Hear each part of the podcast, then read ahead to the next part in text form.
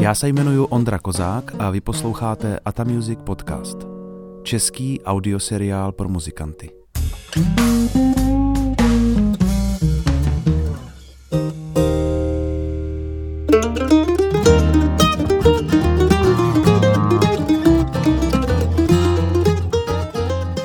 Ahoj milí posluchači Ata Music Podcastu, vítám vás u 16. dílu, jehož hostem je Míša Leicht.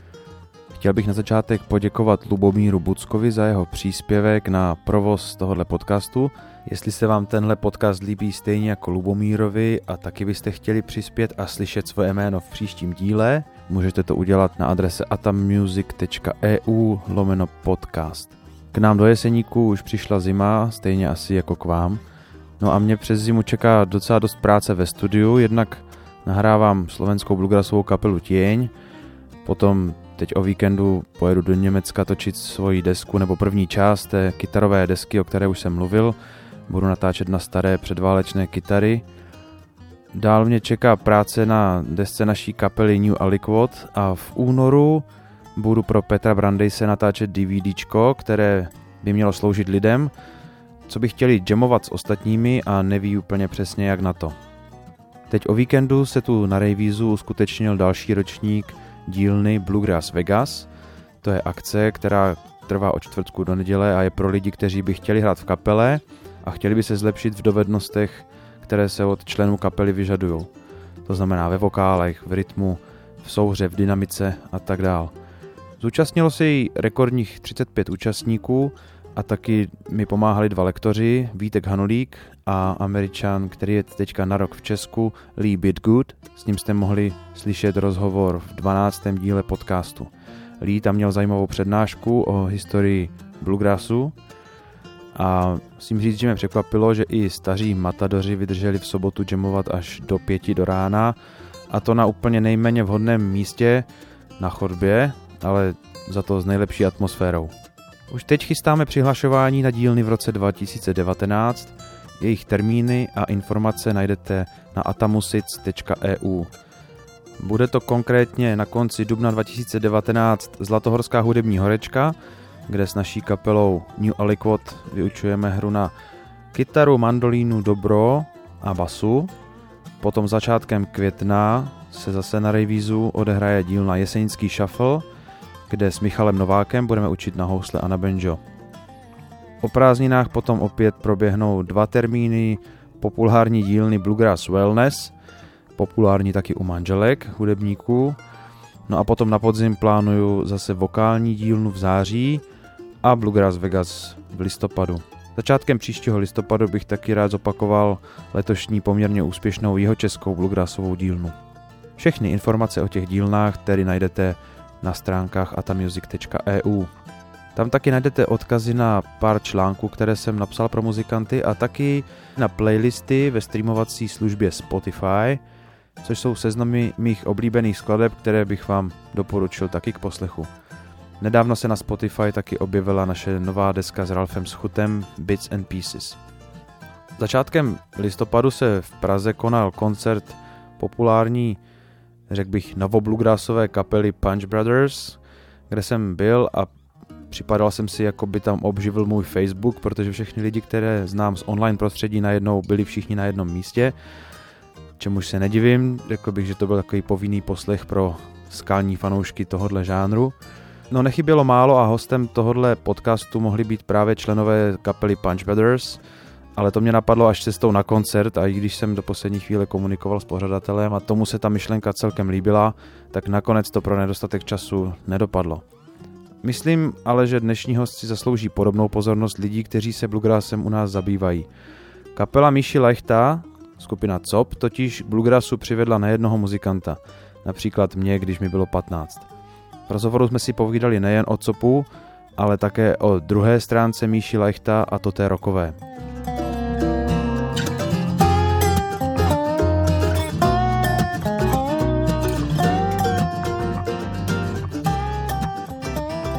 Tak já srdečně zdravím po virtuálním eh, drátě, protože dneska už je všechno bezdrátově, svého dnešního hosta Míšu Lajchta. Ahoj Míšo. Ahoj Ondro, ahoj. Eh, já ti na začátek chci poblahopřát k té čtyřicítce ale tvé kapely samozřejmě. Jak jste to oslavili? Oslavili jsme to teď v sobotu 10. 11. v Lucerně na dvou vyprodaných koncertech, ještě spolu s kapelou Nezmaři. To byly dva po sobě? Ano, jeden byl o dvou hodin a druhý byl od sedmi. Wow, tak to je, tak to je velký úspěch teda. Blahopřeju. Zároveň vím, že vám vyšla knížka, k tomu se ještě dostanem. Jo. A taky ti chci popřát k dědečkovství čerstvému, můžu to tak říct? jasně. No, máš, máš čas si to vůbec užívat nebo energii na to? No, ona holka je, Kristýna je v, většinu času v Ostravě, protože Vojta, její, její, co spolu mají vlastně to vnoučátko moje, tak je ředitelem Národního divadla v Ostravě. Mm-hmm. Takže je v Ostravě, tak jsem ji viděl, vnu, tu vnučku mojí jsem viděl dvakrát všeho všude. Jo, a už hm. třeba nějaké jako se projevují u ní nějaké hudební vlohy, nebo jak to je? to ještě brzo. To ještě brzo. Jasný. Eh, já bych se vrátil k tomu, jak ty jsi začínal. A pamatuješ si, v jakém věku zhruba si začal hrát a proč se to vlastně stalo?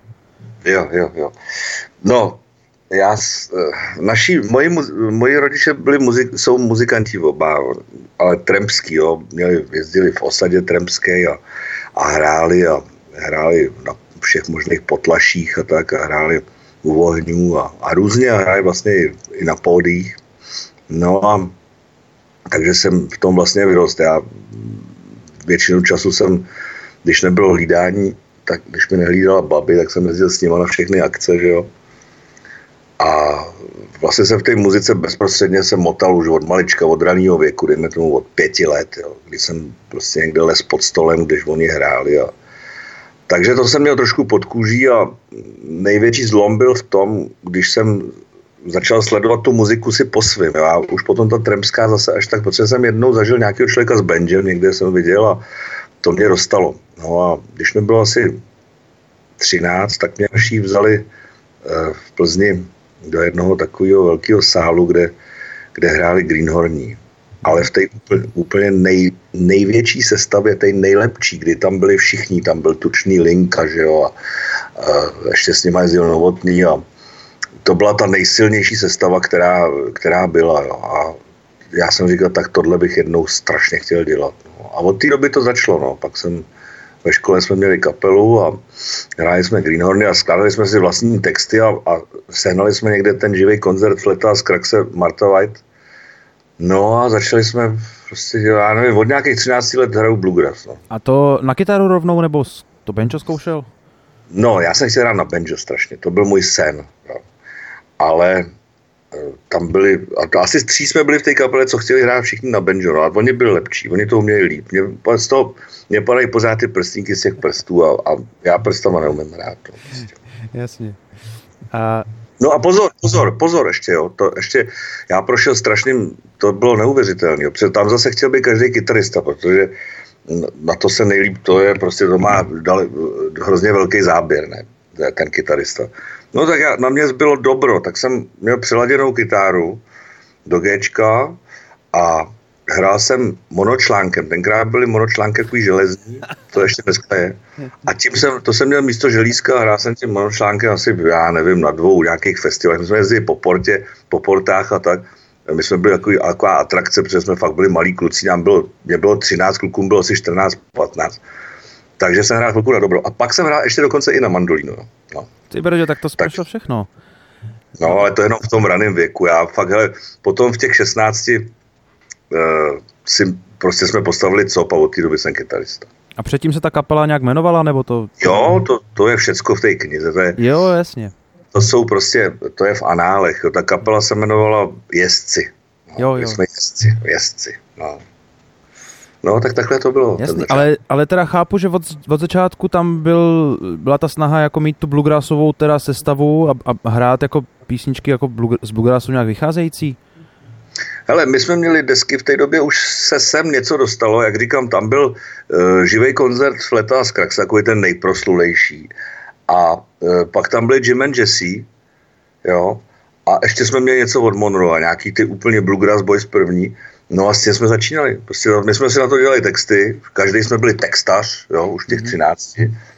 takže takový naivní nějaký texty jsme tam jeli a, a no, bluegrass, prostě to byl bluegrass, no. A hlavně největší vzor byli Greenhorny, no. to prostě bylo nejvíc. No.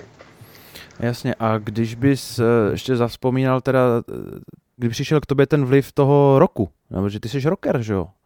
Taky. Jo, no, já jsem hned, jako někdy v 18, tak já jsem byl do toho Big Beatu úplně šílený, protože já jsem teda hrál tuhle tu muziku, ale, ale tady na Plzeňsku to je, to je líheň rokových kapel. A já jsem prostě jezdil na, po zábavách a měl jsem dlouhý vlasy a, a ta kultura okolo toho mě jako zajímala, ta, ta rockerská. No a někdy já potom, my jsme s tím Copem hráli pět let v kuse, když tady byl Bouš Kalupek, když ještě než teda oni utekli, v tom 83. byla ta vlna té emigrace, kdy ten cop celý se roz, úplně roz, rozutek. No já tady zůstal a v tom 83. už jsem začal pomalu, už jsem měl irisku, jo, tu kytaru první, tu, tu českou mm. elektrickou. A dokonce i v tom copu už jsem párkrát vylez na jeviště a začal jsem tam mydlit na tu irisku, protože Boho už byl de facto rocker taky, my jsme se zhlídli, já nevím, v Charlie Daniels Band, že jo, a v těch, kaplách jako Leonard Skinner a podobně, my jsme hráli s copem úplně v těch raných začátcích jsme hráli uh, od Leonard Skinner asi dva fláky, jo, takže já jsem ten Big Beat prostě měl pod kůží a pak, když kluci utekli v tom 83., tak jsme postavili kapelu, která se jmenovala Galerie. S tou hraju do dneska vlastně a uh, to jsme já jsem tři roky hrál Big Beat, no. Prostě jsem jezdil po zábavách, po tancovačkách a hrál jsem Big Beat. Pak v 86. jsme teda ten, co uh, postavili zase znova. No. A vnímám to správně, takže kapela Forehand, další, kterou máš, kterou si znovu obnovil, je takový možná kříženec mezi tím, mezi tím bluegrassovým a rockovým Míšou Lechtem? No, ono to bylo tak, že já jsem forehand udělal z toho důvodu, že jsem tenkrát byl hodně invenční a dělal jsem do hodně textů a vlastních skladeb a podobně. A to byly věci, které když jsem přines do copu, párkrát jsem to zkusil, tak eh, tam se nějak neujali. Jo. Tam vzhledem k tomu, že jsme tam měli ty housle, kolikrát dvoje housle a jeli jsme přísně v takovém tom bluegrassovém stylu, tak ty věci, které tenkrát eh, s tím forehandem jsem dělal, to bylo v nějakým takovým 95. dejme tomu tak eh, de facto to byly věci, které spadly u copu ze stolu, jo, který se u copu ne, nechytli, nebo my jsme byli povinovaní s tím copem už dělat muziku takovou, jakou jsme nalinkovali, jakou jsme hráli. Najednou jsme nemohli začít, hrát žádnou divočinu, úplně nějak, která úplně diametrálně jinou. No, takže ten forehand byl taková ostřejší odnož. Jo. My jsme s forehandem začínali e, ve třech lidech pouze, protože když je něco ve třech, tak je to jako daleko tvrdší. Jo. A vzhledem k tomu, že ty tři lidi byla, byla, byla basa, banjo a kytára, tak uh, tam nebyly žádný dlouhý tóny, že jo, takže to bylo opravdu tvrdý, jo, ta kapela. No. A pak jsme přivzali Míšu Redicha, který hrál na elektriku a ty dlouhý tóny nám tam zajišťoval tímhle způsobem a už to bylo jako by, by, by hodně, no. Takhle, no. Takže je to, je to taková, je to taková odnož trochu, no. Mm-hmm. Ty už si mluvil o těch Greenhornech, že to musel být teda samozřejmě pro kluka malýho strašný zážitek a pamatuješ, že by tě v té době ještě něco podobně ovlivnilo, že jsi řekl prostě, že do smrti budu hrát muziku? ono, já jsem byl na těch Greenhornech v 13 letech, jo, a Potom oni se roz, nějak jako rozešli, rozutíkali, pak vznikla kapela, e, nebo fešáci fungovali stejně s, s nima, ale e, Linka, Tomáš Linka, Petr Novotný a a Michal Tučný přešli k eh, fešákům a ty fešáci tenkrát byli strašně v laufu díky tady eh, těm nově příchozím. No tak jsem byl ještě pryč z těch fešáků, já to sledoval všechno, že jo, samozřejmě. Jo. Takže z toho jsem byl pryč a jestli se mi ptáš, co mě ještě ovlivnilo, tak mě potom strašně ovlivňovaly prostě eh, kapely rokový, jestli mluvíme teda o, tě, o tom českém vlivu, jako je Odyssea v Plzni, no a hlavně klíčový pro mě byl třeba koncert modrého efektu, teda Blue efektu v té době ještě a to bylo tak, že eh, to tenkrát tam byl prostě Hladík, Semelka, Vladočech a, eh, a Hrub, no vlastně, počkej, no takhle to nějak bylo, no vlastně tam byly dvoje, dvoje, dvoje klávesy, jo, Olin Veselý, Oldřich Veselý z Brna. A to byl to úplně, to byla ta nejvyšší, nejvyšší karta, kterou, kterou kdy modrý efekt eh, vytah, jo, ale to bylo nejvíc, no. Takže co se týče koncertů živých, tak tohle mi dostalo taky, no. Ale to bylo později, to už mi bylo víc, no. A měl jsi přístup k nějakým zahraničním nahrávkám? Samozřejmě, no tak já jsem od byl na art rock, jo. Mě zajímaly věci, eh, prostě Pink Floyd, to byl, bylo pro mě úplně nejvíc, jo, ale v té době, kdy to bylo, to bylo v nějakém roce 70, dejme tomu 8, to bylo jako hard rock samozřejmě, Deep Purple, Black Sabbath, to bylo úplně bez řečí. Toho tady bylo dost, tohle všeho, na rozdíl od Bluegrassu, že jo, Bluegrassu tolik eh, člověk jako toho nezískal. Ale eh, měl jsem rád Pink Floyd, eh, jo, do dneška prostě to je pro mě číslo jedna, mám, mám rád King Crimson, jo, hodně, Franka Zapu, mám úplně všechno od Zapy. Takže já v tom Big Beatu jsem fakt docela hodně honěnej. No a jo, to je, těch nahrávek bylo strašně moc, těch zahraničních eh, z toho roku, těch bylo hrozně moc, no, to samozřejmě.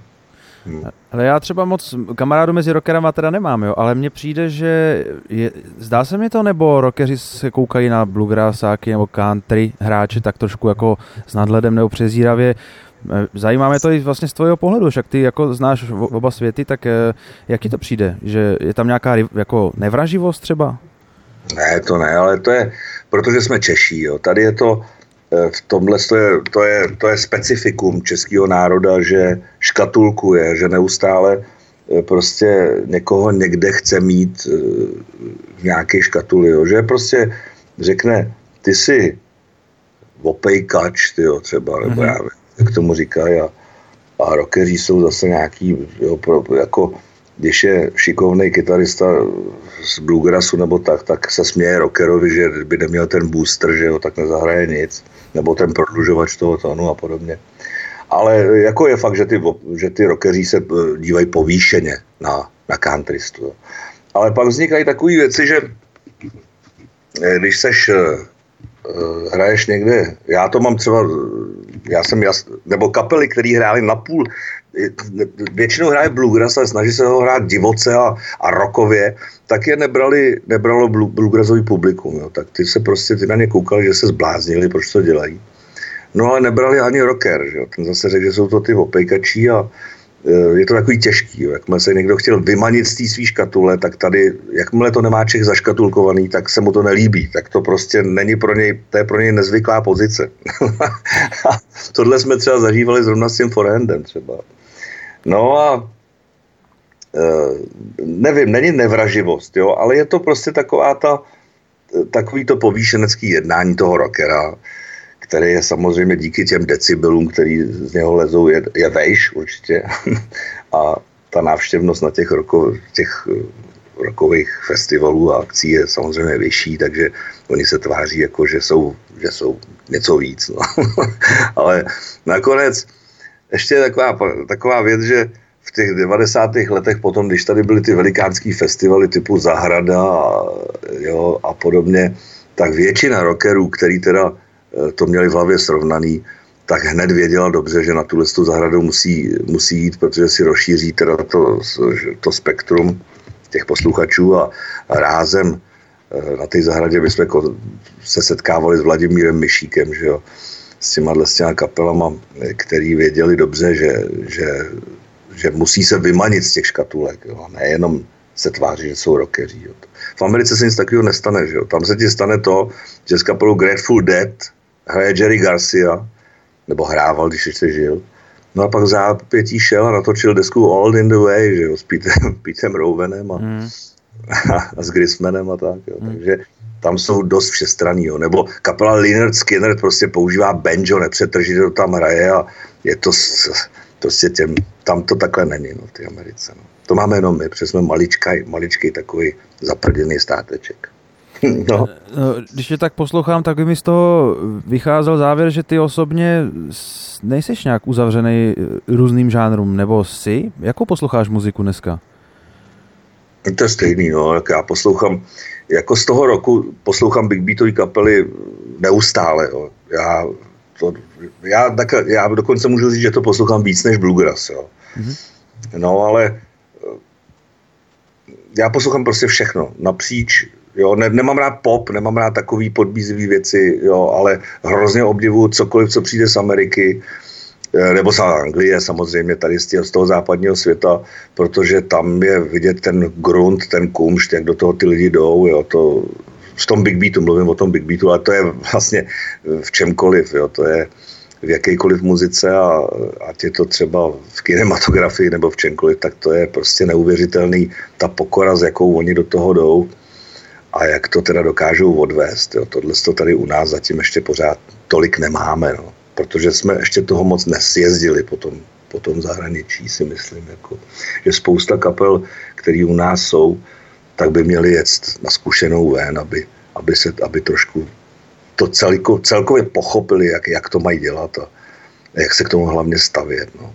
no takže poslouchám takhle, jestli se ptáš na Big Beat, poslouchám veškerý to, co se ve světě děje a samozřejmě z nostalgie starý hard rock, prostě v podání Black Sabbath, eh, Deep Purple, e, jo, tyhle z těch kapel prostě. No, Jet Rotal, samozřejmě zase ještě z té takový jiný muziky, z art rocku, ten King Crimson samozřejmě a Pink Floyd a tak. No, eh, a z toho bluegrassu, tak já, já jsem jako mám všechny, samozřejmě všechny CDčka Fleta a Skraxe, jo, to je věc, který jsme vyšli. My jsme dokonce, to málo kdo ví v tom bluegrassu tady u nás, a my jsme snad asi, kap, nebo byli jsme hodně dlouho kapela, která odbyla Monroe a hrála e, jako hod, velký počet skladeb, jo. Hmm. jsme v tom jeli opravdu tenkrát strašně. No, to. no tak, e, ale z toho bluegrassu dneska já teda mám strašně rád Infamous String Dusters, jo, já, to mě dostalo, z těch jsem úplně pryč. I když teďko se mi zdá, že už se docela začali nořit sami do sebe a začali dělat velké plochy teda. Ale to je takový můj názor, jo. Ale takový ty jejich raný desky nebo ty, ty z začátku, tak to je úplně fantastická věc. Když jsem je viděl ve Strakonicích, že hrají naživo, tak to pro mě byl velikánský zážitek. No a jo, třeba z těch nynějších kapel se mi líbí Frank Sullivan a Dirty Kitchen, no, to je mi prostě baví hrozně. Mm-hmm. No a samozřejmě ty Newgrass Revival a podobně, z toho jsme vyšli, že jo, tak to je, to je bez řečí, jo. No, tak takhle. A jaký máš názor na, já nevím přesně, jak se ten žánr jmenuje, ale myslím, že se mu říká Jim Grass. Je to takový ty kapely typu Old Crowd Medicine Show a Leftover Salmon a... Vím, vím, vím, vím, jasně, jasně. Hm, znám. Oslovuje tě to? Mě to nějak nebere, já nevím. Tohle to, zrovna Leftover Salmon znám dobře, dobře a znám nějaký ještě počkej Green Sky Bluegrass. Ano. Jo, to, tohle to něco takového tam je.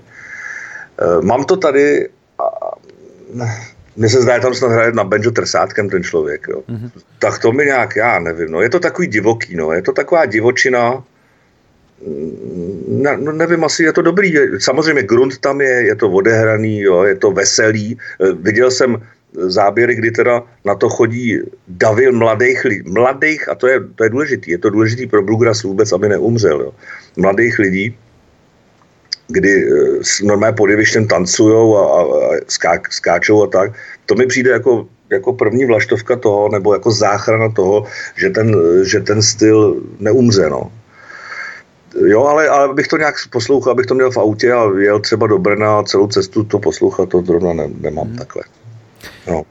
Jakou roli podle tebe hrajou v muzice texty a liší se ta role v různých žánrech? Ty to můžeš srovnat, protože jsi říkal, že, te, že jsi textoval teda je asi i nějaké rokové věci, i ten bluegrass.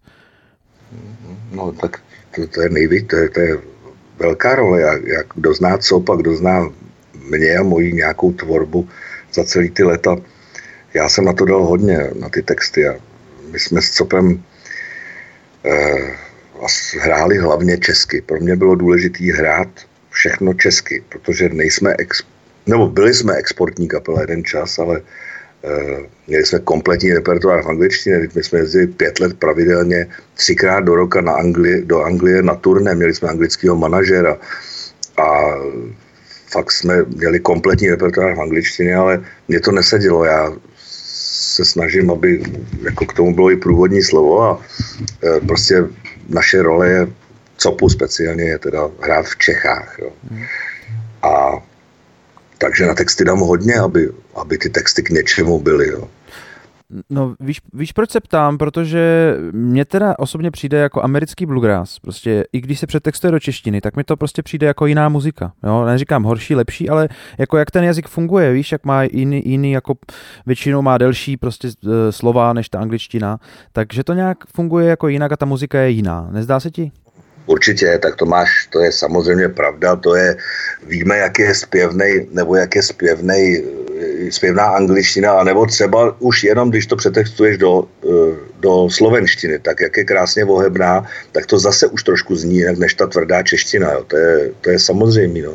No jo, zní to jinak, no, to máš pravdu, no, ale teď jde o to, co kdo chce, Jo? Jestliže chci být eh, exportní kapela, tak budu hrát v angličtině, to je samozřejmé. Budu jezdit do Holandska nebo tady po Evropě, jak to tak tak bejvá. No jo, ale to, tam jde o to, co kdo, jaký, jaký má mety. Jo. Já jsem chtěl dosáhnout úspěchu v naší zemi, takže hraju uh, americkou muziku, pravda, nebo už dneska základy americké muziky, my děláme vlastní skladby, už posledních, já nevím, 20 let. A uh, otextovanou česky. No. Pravda, že to zní jinak, to máš pravdu, to je bez řečí. No. No a co to konferování? Ty jsi to už zmínil, podle mě to teda připadá, že jako bez toho by COP ani nebyl COP, vlastně je to taková nedílná součást vystoupení. Řešil jsi někdy přípravu na to, nebo vždycky si improvizoval? Vždycky. Já nemám vůbec nic připraveného a e, já to dělám momentálně, podle toho, jak potřebuju ty lidi dostat na svou stranu.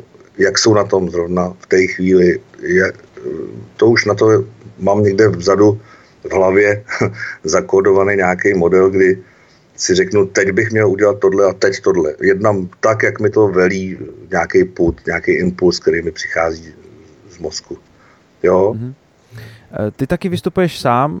Jak, to, jak k tomu přistupuješ? Vlastně řešíš vůbec ten, ten rozdíl hraní v kapele a hraní solo?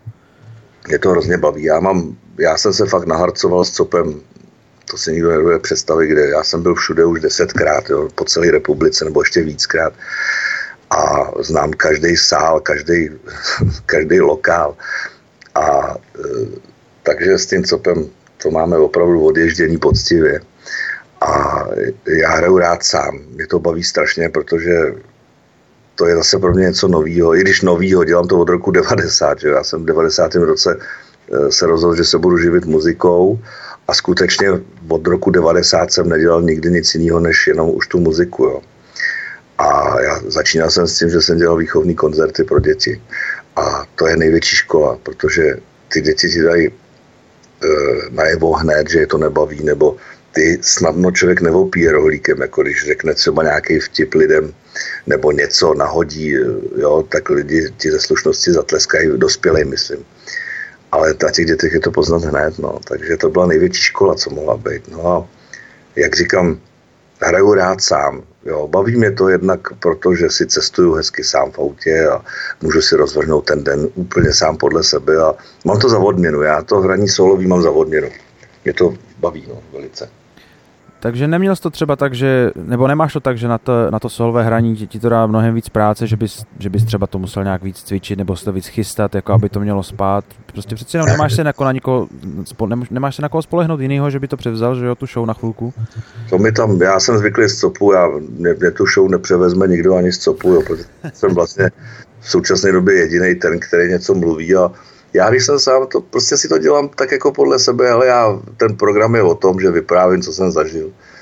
A jo, co jsem prostě, ať v tom muzikantském životě, nebo, nebo v hospodském životě, prostě co jsem zažil a že ty texty tak nějak e, překládám, e, co vlastně v tom textu, o čem to je a co se kde stalo, protože já většinu, co jsem otextoval, jsou věci, které který jsem nějak jako bezprostředně zažil, takže vím přesně, o čem zpívám. No. Takže pak i vím přesně, o čem mluvím.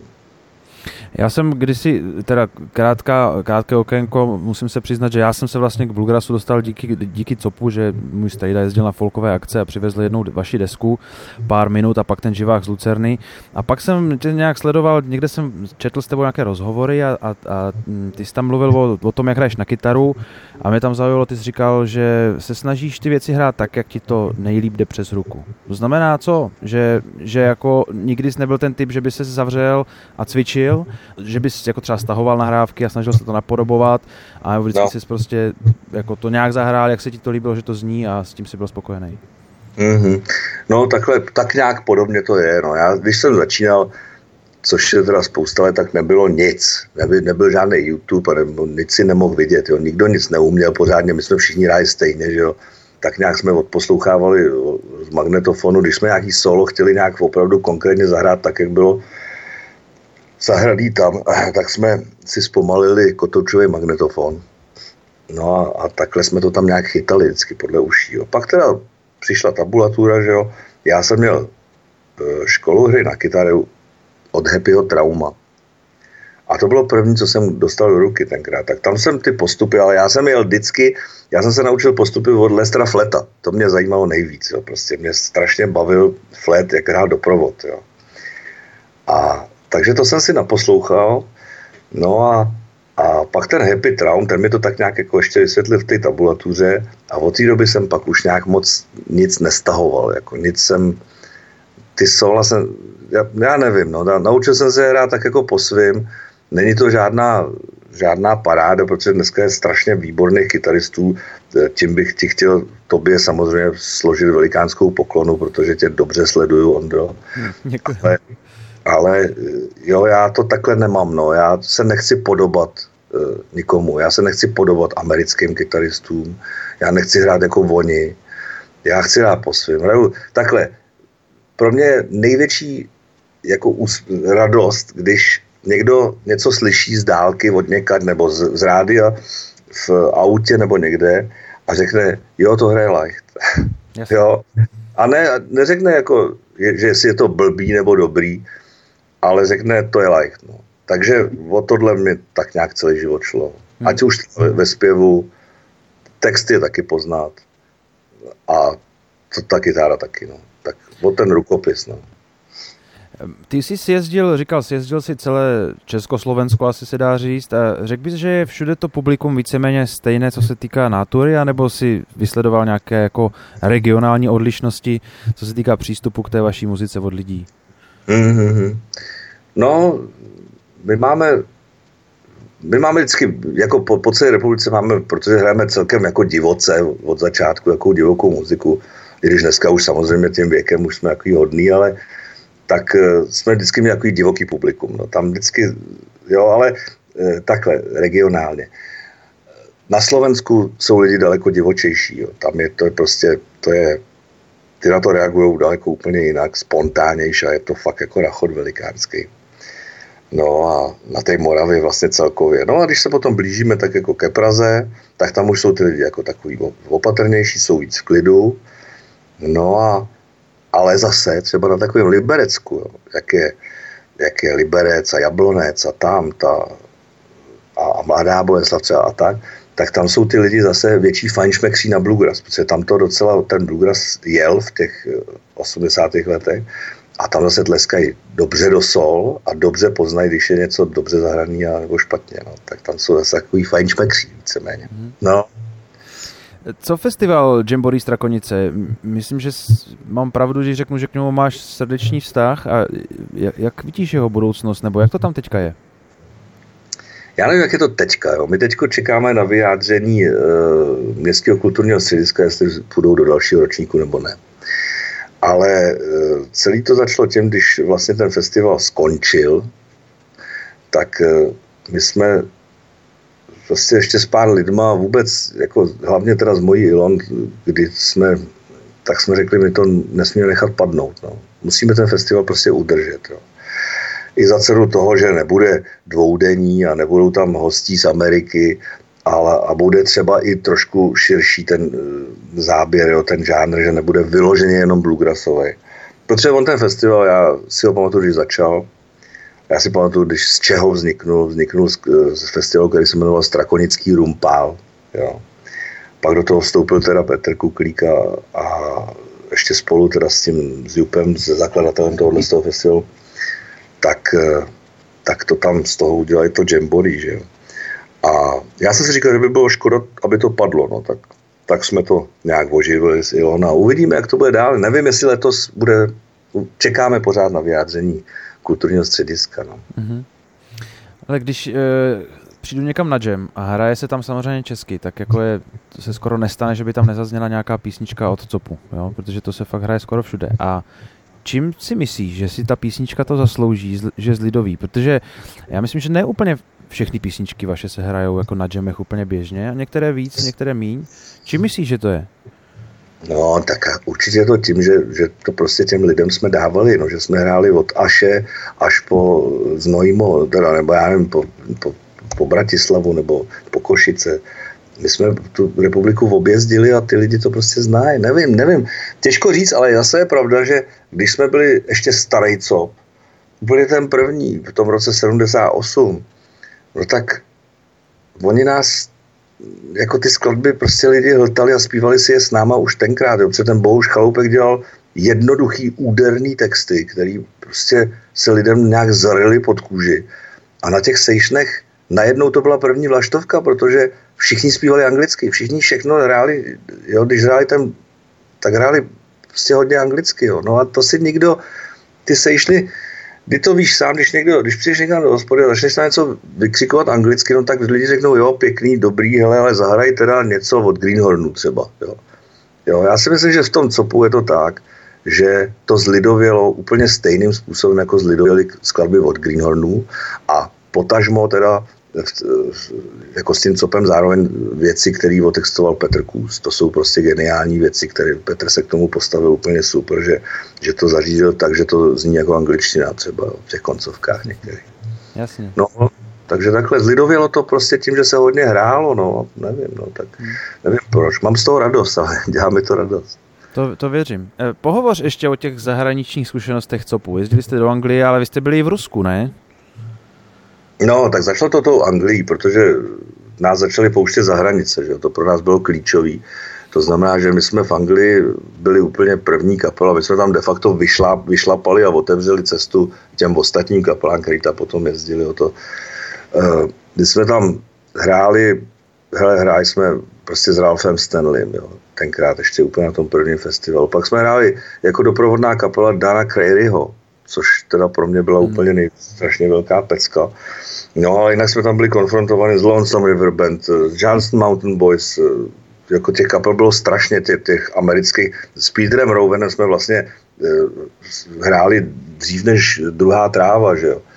jo takže my jsme tam Tonio Furtada, jo. no hmm. prostě to, tam, bylo, tam bylo všechno. My jsme opravdu s těma kapelama hráli dohromady, seděli jsme s nimi v jedné šatně a ta konfrontace pro nás byla velice důležitá, protože jsme eh, se snažili si osvojit i to chování nejenom na tom jevišti, ale i ten eh, prostě prodávání desek, triček a, a tohle na to, to jsme tenkrát se všechno naučili tam v té Anglii. Jo. Takže v Anglii, eh, jak říkám, dvakrát až třikrát do roka turné, ale ne jenom, že bychom byli někde, někde já nevím, v okruhu 200 eh, km čtverečních. My jsme prostě projeli tu Anglii od z jedné strany na druhou, jo, každý, po při každém tom turné. Jo, takže já nevím město velký, ve kterém bychom nebyli. Takže to jsme měli až do roku 95 a k tomu ještě samozřejmě Švýcarsko, Rakousko, pravidelně Německo, Rattlesnake Saloon a ještě, ještě jeden, jeden takový, jedna štace, ty už si nepamatuju v Mnichově. A to jsme jezdili dvakrát do měsíce. Jo. Takže my jsme opravdu od toho roku 90 do roku 95 jsme byli hodně venku. Ale pak jsme zjistili, že nám to začíná utíkat tady trochu, jo, protože tady jsme přijeli potom na nějaký festival a zjistili jsme, že ty kluci, s kterými jsme začínali z, jiný, z jiného ranku, nemyslím z Bluegrassu, prostě z folku a z Tremský a podobně, tak najednou jsou hrozně vysoko, mají za sebou nahráno desek, chodí na ně strašně spousty lidí a podobně. Tak jsme si říkali, že nám to tady trochu uteklo a zabrzdili jsme s tím, s tím ježděním ven. Taky nás už to nebavilo, ono to bylo hrozně, furt jsme kde jezdili, byly to štreky. Takže jsme to celý zacílili a namířili na, na českou na český publikum, na, na, na český hraní po českých festivalech a tak. Tak to je tohle. A od té doby jsme potom už jezdili furt. Už jsme byli hlavně tady na těch největších festivalech, nejprestižnějších, které mohly být. No a v roce 2000, myslím to bylo 2003 nebo kdy, tak jsme dostali pozvání, nebo to Rusko, jak se mi na ně ptáš, bylo to tak, že to by mi nenapadlo, abych životě do Ruska nejel, já tam moc to nemám, tu, ty lidi, ani ten národ, nějak, z něho nejsem moc nějak odvázaný, ale tam to bylo tak, že z rána přišel kluk jeden, když jsme někde hráli, a říkal, hele, já, já dělám velký obchody v Rusku, jako byl to šikovný biznismen a, a já bych chtěl, abyste se tam zahráli, protože tam se dají dále co jako, jako můžete tam vydělat, vydělat spoustu dolarů, třeba říkala. A je to publikum, který, když tohle uslyší, tak se z toho zblázní.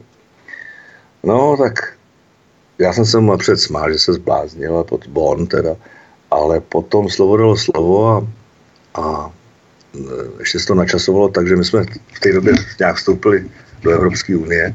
Teďko nevím, kdy to bylo, jako nevím, kolik, kdy jsme vstoupili do Evropské unie, ani asi 2003 nebo 4 a Slováci taky a Poláci a Řekové a, a na Rudém náměstí jako takový výsměch tomu všemu, protože Rusovi se to moc nelíbí, ta Evropská unie, že jo, tak oni e, tam udělali okolo toho takovou trachtaci. No. A tam byly všechny ty zúčastnění země a každý tam hrál tu svoji muziku, tu svoji lidovou muziku. No a za Česko si tam pozval COP. a jsme hráli americkou muziku. Takže to bylo zajímavé docela. Takže jsme hráli na obrovském, obrovská stage. To bylo neuvěřitelný pódium. To jsem ještě asi snad neviděl nikdy. Na, přes celý rudý náměstí a, a z něho jsme na ně vykřikovali uh, já nevím, ty kovbojský naše písničky a tak. Takže to bylo zajímavé. No a takže jsme jezdili po klubech v Moskvě pak jsme napřed, to, to bylo, ale první, co jsme, když jsme tam přijeli, tak, tak jsme jeli vlakem ještě do Archangelska, což je u toho severního ledového oceánu tam. E, tam je, jo, to je prostě ta nejzaší, to je takový to nejzaší místo, kde byly všechny ty gulagy a ty, ten poloostrov Kola je tam a podobně. A tam byl festival, uh, festival akustické muziky. Tak tam jsme hráli No a strašný úspěch jsme měli tam. Děvčata nám utrhali knoflíky, od, protože tam, když ti utrhnou knoflíky, to znamená, že se tam zase za rok vrátíš. Mm-hmm. Tak já neměl vůbec nikde knoflíky. No a nikdo z nás. A takhle, no a potom jsme teda hráli v té Moskvě, tam jsme hráli taky po nějakých těch klubech a tak bylo, hele, bylo to zajímavé. Byla to exotika pro nás, pro ty Rusy samozřejmě taky. A bylo to dobrý, no. Přivezli jsme si nějaký dolary od tam a, a bylo, to, bylo to super. No. Tak tohle bylo, no a, a tak to, to byla naše zkušenost z Ruska. No. v Americe jsi byl, nebo byli jste, nebo chtěl bys být? Hele, já jsem na tom mám jasný názor, já jsem to řekl už v několika rozhovorech, já do Ameriky pojedu a budu poslouchat, budu pozorně poslouchat, jo. Ale abych tam něco předváděl, to nepotřebuju. To jako já, tyhle ty ambice určitě nemám. Bo to jsou tady jiný a je tady spousta šikovných muzikantů, který e, můžou v té Americe něco ukázat, ale zase e, můžou to tam jenom ukázat a zase v klidu odjet a nikde v nějakých análech nebo nikdo to nevytesá tam do žádného kamene, jo? protože to, co jim tady ukáže ten náš muzikant v té jejich lidové muzice, já mluvím teď o bluegrassu, jo? tak to e, nebude nic, co by ty američani nevěděli, nebo že by se z toho nějak zbláznili. Jo? Mm-hmm. To, jo, to znamená, že já mám moje ambice, nebo co se Ameriky týče, je tak, že tam pojedu a budu pokorně poslouchat. Až přijedu domů, tak řeknu eh, každému, že tam po klubech hrajou takový střelcí, že si to, že, že si to tady nikdo nebude, představit. Jo. Ale myslím si třeba v blues nebo v big beatu a podobně, já byl v Americe jsem byl, byl jsem v Memphisu, eh, protože mě zajímají věci, které se týkají blues a byl jsem samozřejmě v Nashville, kdy jsem viděl v Grand Ole Opry, teda v, ve Station Inn hrát teda velikánský, velikánský střelce, toho Larryho Cordla vlastně, který udělal Highway, Highway 40 Blues, no, nebo to, to složil on. Takže se svojí kapelou, takže do Ameriky se jezdit dívat, to je třeba. Jo. A Myslím si, že třeba Robert Čestan by věděl přesně, jak to myslím a jak to tam vlastně je, protože ten, si, ten asi to je největší studnice toho, jak to v, v té Americe chodí a tam si to vlastně odžili a odjezdili opravdu docela drsně. Jo. Mm-hmm. No, takže takhle to mám já s Amerikou. Když se stane, že potřebuješ do kapely spoluhráče, jak je pro tebe důležité to, jaké má hudební kvality ve srovnání s tím, jak je to člověk, jestli zapadne do party, respektive potřebuješ si s ním rozumět lidsky, aby si s ním mohl hrát v kapele?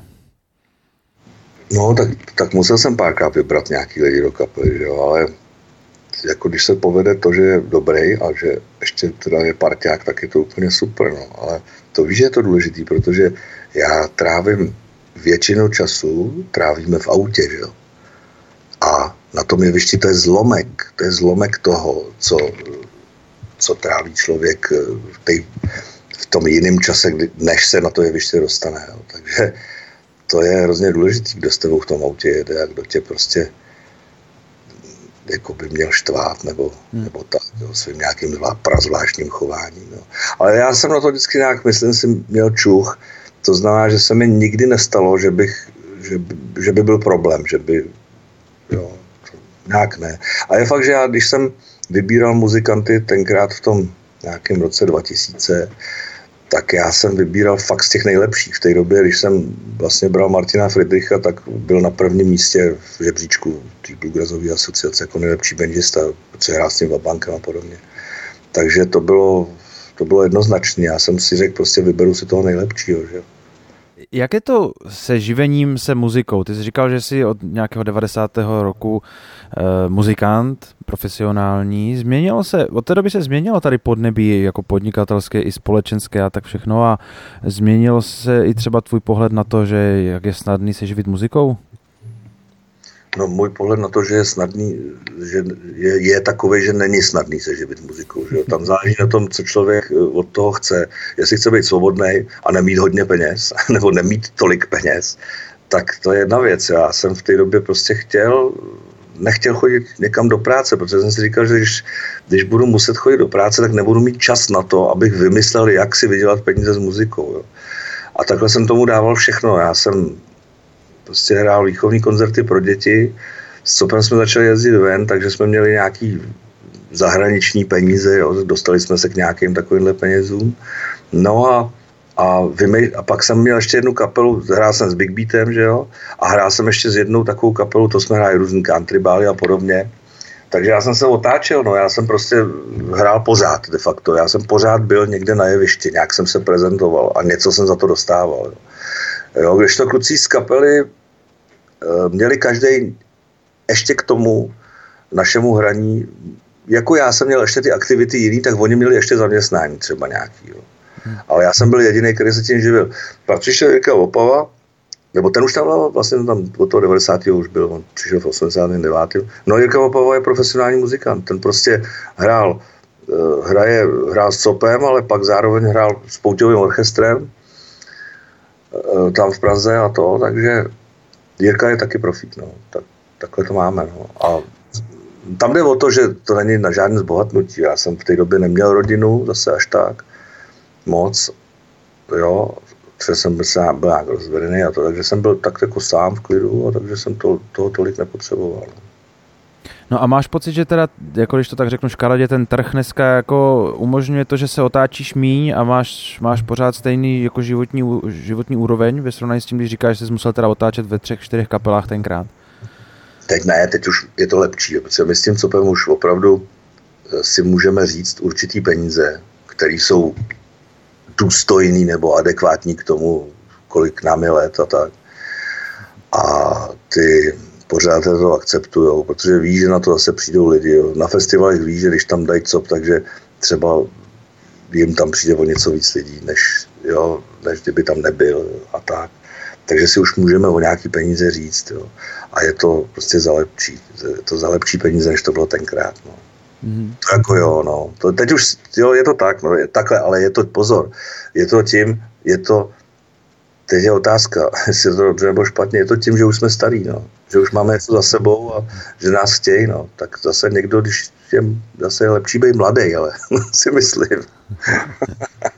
Ale jak dlouho bude ještě co hrát? Teď se stavili 40, tak jak dlouho to vidíš ještě?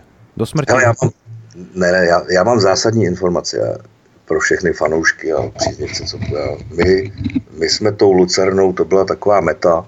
Teďko ještě máme do konce roku osm hraní, 40 letům a, a vánoční koncerty a my od nového roku chceme ustoupit ze scény. Jo. Ale to tím způsobem, že jestliže jsme měli my jsme, nám se to zastavilo na, za posledních let, eh, pět let asi na 80 koncertech ročně. Jo. Ale dřív jsme jich měli třeba 120, jo, to bylo šílený. Ale teď jsme na 80 a my chceme od příštího roku hrát eh, tak 50, 40, 50 koncertů. Chceme o půlku to vzít. Jo. Mm-hmm. Takže trošku nás ubyde, jo. budeme trochu míň. No a jak budeme hrát dál, proto chceme takhle, je to proto, že samozřejmě víš, všichni víme, jaký je dneska cestování, jak se dneska tady po té naší republice cestuje, jo, díky těm silnicím, jak vypadají a podobně. Tak eh, eh, to je jedna věc, že, že člověk vlastně stráví, když mám, stráví prostě strašné množství času, stráví jenom v autě. Jo. A je to prostě jednou, jednou nohou si v kriminále, druhou si v hrobě, jo, protože to je šílen po těchto cestování. No a takže tohle už nechceme absolvovat. My, už je toho na nás moc, ono zase si vím, že uh, já už jsem taky starý knedlík, jo, je mi 650 let, klukům je přes 60, jo, Fíkovi, Slámovi, jo. Jirka Opava už taky není žádný chlapec, to bylo 50 asi před dvěma rokama. Martin Friedrich už na to čeká, na tu 50 každou chvíli. Takže už toho je dost, no. Už prostě to cestování pro nás není, jo. takže to chceme trošku omezit, chceme hrát míň. A takže takhle, no. Tohle to máme s copem a tím si myslím, že budeme odpočatý trochu, že nebudeme tolik harcovat a že bychom ještě mohli něco vydržet, ještě nějakou dobu bychom tady mohli být. To znamená, že bude nějaká deska třeba výhledově? No, já teď na něčem pracuju. Já teď musím hlavně udělat solovou desku, protože já jsem svoji solovou desku udělal někdy před deseti lety. Eh, a já ji musím, teď, teď musím začít myslet trochu na sebe, jo, protože před těmi deseti nebo dvanácti snad lety jsem ji udělal a od té doby se pře, přesto přehrály asi tři nebo čtyři desky copu a já teď chci trošičku myslet na sebe, jo, abych, eh, no trošku se chci prezentovat sám. No, s forehandem eh, chceme tlačit jednu desku a s, sám solově druhou a s copem přemýšlím, no už jsme jich, hele, máme jich, na, máme jich 13 na, na kontě, těch CDček a ono už se těžko něco vymýšlí novýho, víš, jako aby člověk nevykrat, nebo nějak úplně dramaticky nevykrat sám sebe a jako to, že vykrádáme svět, to je samozřejmě už od začátku, ale aby tak sám sebe a celkově taková pokora už je tady. Už je člověk, ne pokora, spíše člověk takový k sobě přísnější a, a tak snadno ty věci nechrlí. No. Mm-hmm. No já myslím, že to ale pěkně bude kompenzovat právě ta knížka o copu, protože to je, ještě jsem viděl, že pivo máte výroční, ale myslím, že ta kniha to je tak jako největší vlastně artefakt, ne, co k té 40 se podařilo udělat. Co v té knížce je a kde se dá sehnat? No, tam bude ještě artefakt, ten musím zmínit, důležitý, ten půjde od ledna, já už to mám tady v počítači hotový, teď jsem to dodělal, eh, a to zpěvník. Jo, zpěvník copu, všech písniček, které jsme kdy s Copem hráli. Jo, a vychází to asi na 90 skladeb dohromady. Mm-hmm. Tak eh, ten já jsem, já už ho měl hotový eh, před tou Lucernou, ale já jsem ho musel upozadit právě kvůli té knížce, jo, který, která je důležitá, byla strašně nákladná, stála to hrozně peněz, hrozně, dal jsem do toho spoustu svých peněz a ještě pár lidí a to je prostě dílo, který který eh, vlastně jsme musíme nějakým způsobem, aby se nám vrátili aspoň ty věci, které jsme do toho vrazili, tak eh, se na něm musí jako pracovat. To znamená, že jsme to upozadili a od ledna půjde zpěvník. Jo? A k té knížce teda, no je to, hele, tam je, tam je 220 stránek. Jo? Je to v laminu vázaný a je to na křídě. A pozor, je tam 1250 fotek. Jo? Hmm. Já když jsem si vzal takovouhle publikaci, třeba o Kiss, nebo o Black Sabbath a podobně, tak tam bylo těch fotek asi 400. A člověk si říkal, jak tam toho je hodně a že to je hezký. No tak tady jich je 1250. Jo. Tam je úplně všechno. Tam jsou veškerý zákazy, jo, co nám zakazovali tenkrát za komunistů. Jo. Veškerý zase přehrávky a, a, a, a list, kap, mám tam list o tom, že jsem udělal kapelnické zkoušky a pak je tam zase něco z, z, z VB, že nás zadrželi. A jsou prostě všechny věci. Jo. Tam, jsou tam výstřižky z novin, spoustu, spoustu článků, který o nás kdo napsal. Eh, spousta zajímavých lidí se tam k tomu vyjadřuje, k tomu copu. Robert Přestan tam k tomu má jednu stránku třeba a, a tak. Jo. Takže je to plný, je to prostě tam čteš. Já sám, že to vím, kdy tu historii znám, jsem v tom jel od začátku, tak já jsem se od toho neutrh prostě mi furt zajímalo, co je na další stránce a na další. Až jsem to přelouskal a dva dny jsem nějak moc nespal a furt jsem jenom koukal do knížky. Dneska jsem to dočet, jo.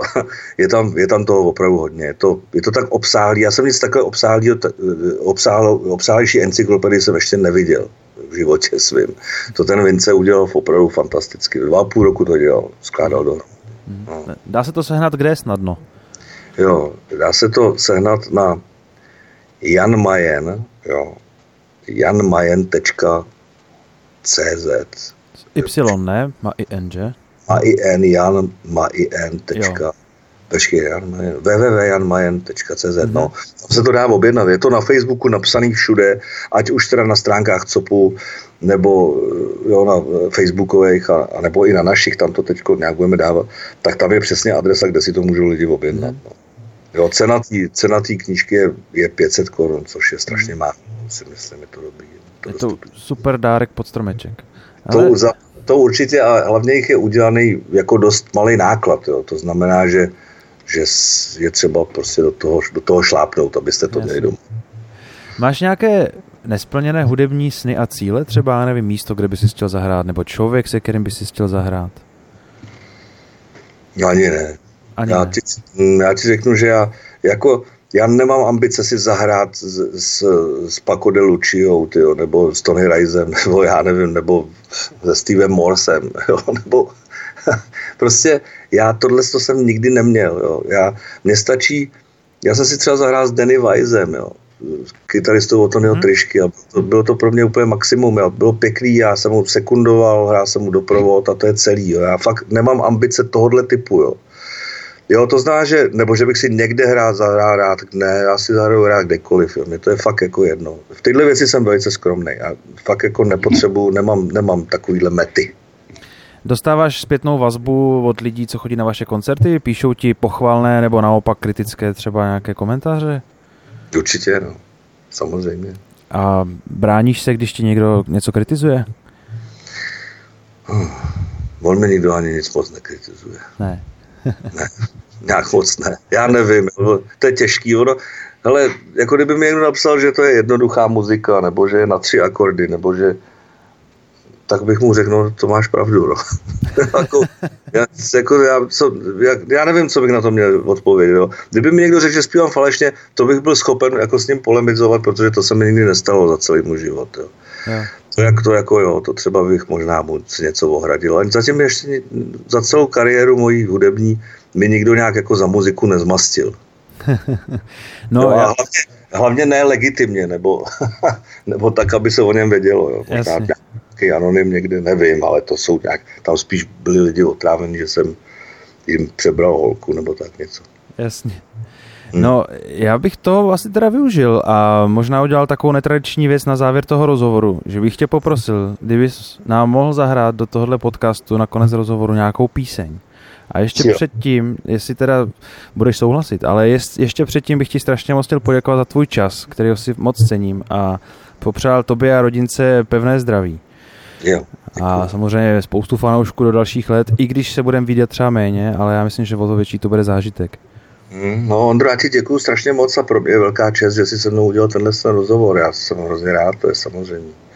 No tak já nevím teďko, ty chceš zahrát tu píseň, tak na co já mám zahrát? Já mám teďko novýho miláčka, mám, eh, moji Martinku lidi znají z roku 46, tak trochu, ale, ale já mám teďko, prostě jsem hrozně propadnul tady jednomu nástroji, jo.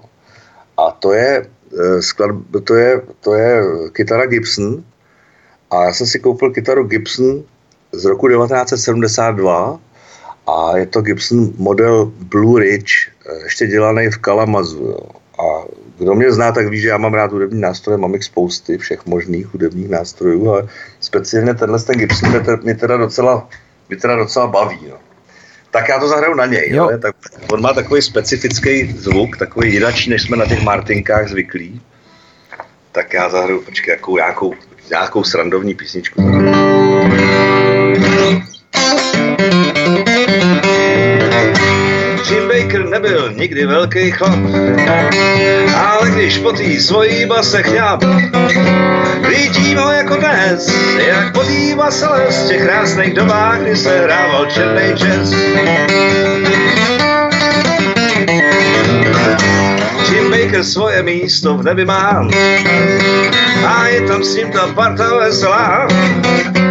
Kdyby tady byl dnes, zas by si basel les, jak v starých dobách, hrál by černý jazz.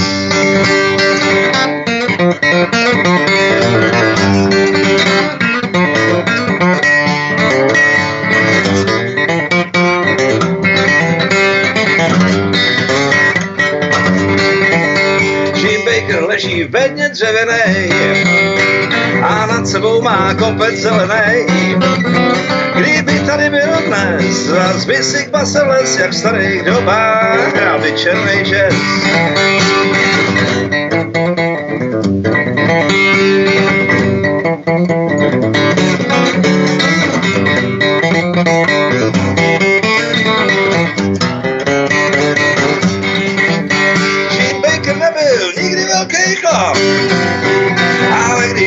svojí base chňám. Se les, je krásný dobách, kdy se hrával černý jazz. Vidím ho jako dnes, jak se les, je krásný dobách, kdy se hrával černý jazz.